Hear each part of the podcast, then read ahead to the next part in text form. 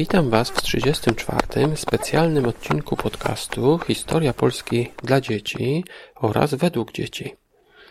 W niedzielę 14 października będę biegł trzeci raz maraton w Leicester, w mieście, w którym mieszkam. Poprzednie dwa razy zajęło mi to niecałe 4 godziny i 30 minut. Teraz chciałbym oczywiście być troszeczkę szybszy.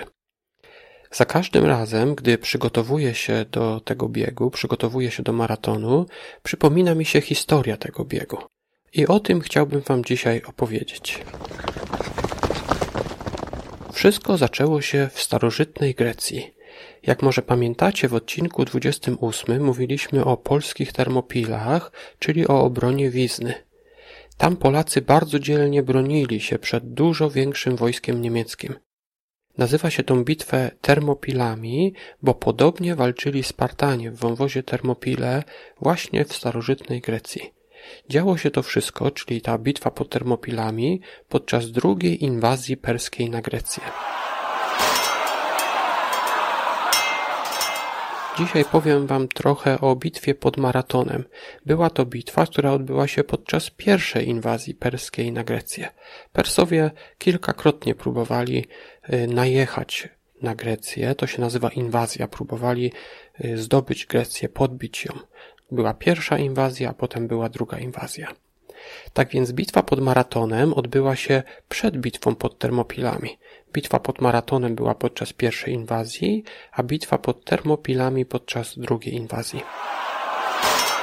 Tam, czyli pod Termopilami, walczyli Spartanie, a pod Maratonem walczyli Ateńczycy. Spartanie i Ateńczycy to byli Grecy, ale w tamtych czasach każde miasto było jakby osobnym państwem, tak więc Sparta była osobnym państwem i Ateny były osobnym państwem. Tak więc Ateńczycy dowiedzieli się, że wojsko perskie wylądowało, czyli przypłynęło statkami, niedaleko miejscowości Maraton, a więc armia Ateńczyków wyszła ze swego miasta i poszła z nimi walczyć. Maraton jest oddalony od Aten o około 37 kilometrów. 12 września 490 roku przed naszą erą odbyła się bitwa, którą wygrali Ateńczycy. Jeden z nich, Filipides, miał pobiec później do Aten, tam krzyknął zwycięstwo i umarł z wycieńczenia. Tak mówi legenda. Gdy jednak Persowie przegrali, wycofali się na swoje statki i tak sobie pomyśleli. Armia ateńska przyszła tutaj, jest pod maratonem, to znaczy, że w mieście Ateny, że tego miasta nikt nie pilnuje. Tak sobie Persowie pomyśleli i szybko popłynęli tam do Aten, aby zdobyć to miasto. Wojsko ateńskie jednak to przewidziało i żołnierze w hełmach z tarczami, dzidami, mieczami szybko pobiegło z powrotem do Aten. Zdążyli się tam ustawić, gdy przypłynęli Persowie. Persowie zobaczyli stojących Ateńczyków gotowych do bitwy i pomyśleli sobie, że y, już nie wygrają i popłynęli z powrotem. Popłynęli do swojego kraju, do Persji. Przed tą bitwą, podczas bitwy, a także po bitwie było bardzo dużo biegania. Persowie mieli łuczników i Ateńczycy musieli więc szybko biec, aby łucznicy mieli mało czasu na strzelanie.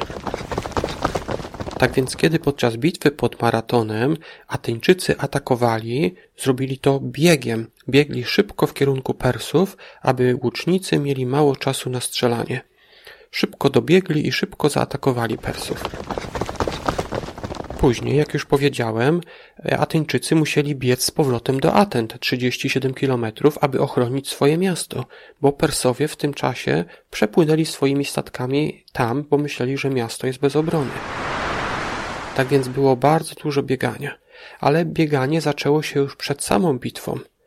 Y, pewien żołnierz, właśnie ten Filipides, został wysłany do Sparty z prośbą o pomoc.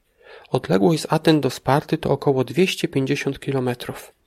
Filipides tam pobiegł, ale Spartanie powiedzieli mu, że pomogą dopiero jak się skończy ich święto. Filipides pobiegł więc z powrotem, ponownie 250 kilometrów, Potem wziął udział w bitwie pod Maratonem, a potem pobiegł jeszcze z wszystkimi do Aten, aby bronić tego miasta przed Persami, którzy, jak już mówiłem, tutaj właśnie przypłynęli. Gdy już Ateńczycy wygrali, a przegrani Persowie popłynęli do domu, wtedy na miejsce bitwy przybiegli Spartanie, żeby pomóc w walce. Ale Ateńczycy powiedzieli im, że już jest po bitwie.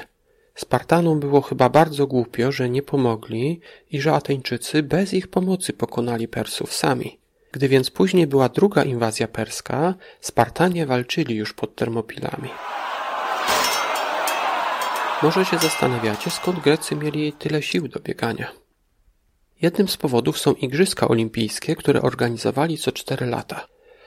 Miasta greckie walczyły między sobą, prowadziły wojny, na przykład Ateny ze Spartą też między sobą walczyli, ale co cztery lata wszystkie miasta zawierały między sobą pokój, nie walczono wtedy i wszyscy Grecy z wszystkich miast szli na olimpiadę i walczyli w zmaganiach sportowych. W ten sposób co cztery lata panował pokój, bo Grecy zamiast walczyć w takiej normalnej walce walczyli w zawodach sportowych. Walczyli, kto będzie najszybszym biegaczem, kto będzie, kto najdalej rzuci oszczepem, albo w zapasach się siłowali, kto jest najsilniejszy. W tym okresie właśnie nie było wojny. Niestety, później jeden z cesarzy rzymskich zakazał organizowania igrzysk. Gdy więc w 1896 roku Pierre de Coubertin zorganizował pierwsze nowożytne Igrzyska Olimpijskie, zrobił to właśnie w Atenach. Zrobił to w stolicy Grecji. Pierre de Coubertin y, nie chciał, żeby ludzie walczyli na wojnie. Chciał, żeby zamiast tego ludzie walczyli na zawodach sportowych. Bo gdy ludzie walczą na wojnie, no to wtedy zawsze ktoś zginie. A gdy ludzie zmagają się na przykład, kto jest najszybszy, y, to wtedy nikt nie ginie. Jest to taka bezkrwawa walka na zawodach olimpijskich. Dlatego właśnie Pierre de Coubertin zorganizował pierwsze nowożytne igrzyska w 1896 roku. Postanowił wtedy włączyć do tych igrzysk także bieg maratoński. Zmierzono więc dystans z Aten do maratonu i wyszło jakieś 37 kilometrów, ale nie podobała im się ta liczba i postanowili, że bieg maratoński będzie miał dystans 40 kilometrów. Kiedy ja biegnę maraton i kiedy już przebiegnę zawsze te 37 kilometrów, jestem bardzo, bardzo zmęczony. I wtedy jestem zawsze zły na tych ludzi, na przykład na Pierre de Coubertin, za to, że dodali jeszcze te 3 kilometry, aby było równo 40 kilometrów. Ale to nie wszystko. Bieg maratoński jest jeszcze dłuższy niż 40 kilometrów. Dlaczego? Na czwartych igrzyskach w Londynie bieg maratoński przedłużono jeszcze o ponad dwa kilometry, aby meta była obok miejsca, gdzie siedział król Edward VII. Jest to pradziadek królowej Elżbiety, która jest teraz królową Anglii. Tak więc kiedy już przebiegnę te 40 kilometrów, to wtedy zaczynam być zły na króla Anglii, że muszę biec jeszcze 2 kilometry i 195 metrów ale potem sobie zawsze przypominam, że Ateńczycy biegli z maratonu do Aten po długiej bitwie, bardzo ciężkiej bitwie i w dodatku oni biegli w zbrojach, z tarczami i bronią, a ja mam o wiele lżej, mogę biec w koszulce i spodenkach, nie muszę niczego dźwigać. Najstarszy polski maraton odbywa się w miejscowości Dębno. Pierwszy raz odbył się on w 1969 roku. W tym samym roku ja się urodziłem. Dziesięć lat później zaczęto organizować maraton warszawski. Pierwszy raz w 1979. Rekord Polski w maratonie ma teraz, kiedy to nagrywam, Henryk Szost, który przebiegł ten dystans w 2 godziny 7 minut i 39 sekund. Najszybsza wśród kobiet jest Małgorzata Sobańska, której zajęło to 2 godziny 26 minut i 8 sekund. Przypomnę może, że mi zajmuje to 4 godziny 30 minut, a im tylko 2 godziny 7 i 2 godziny 26 minut. Tak więc ja jestem gdzieś dwa razy wolniejszy od najszybszych Polaków, ale myślę, że może w tym roku troszeczkę się poprawię. Jak już wspomniałem, ja będę bieg maraton po raz trzeci w niedzielę 14 października. Będę bieg jak wszyscy inni w spodenkach i koszulce, ale czy wiecie, że w naszych czasach są ludzie, którzy biegną w zbrojach? Jest taka grupa polskich biegaczy, którzy nazywają się Spartanie dzieciom. Biegają maratony właśnie w zbrojach i zbierają w ten sposób pieniądze na pomoc dla dzieci. W notatkach będzie link do ich strony. Ja dziękuję Wam za wysłuchanie tego specjalnego odcinka. Jeżeli mieszkacie w Leicester, zapraszam do oglądania biegu. Może mnie wypatrzycie. Mój numer to 3176. Ja się teraz z Wami żegnam. Do usłyszenia w następnym, już normalnym odcinku.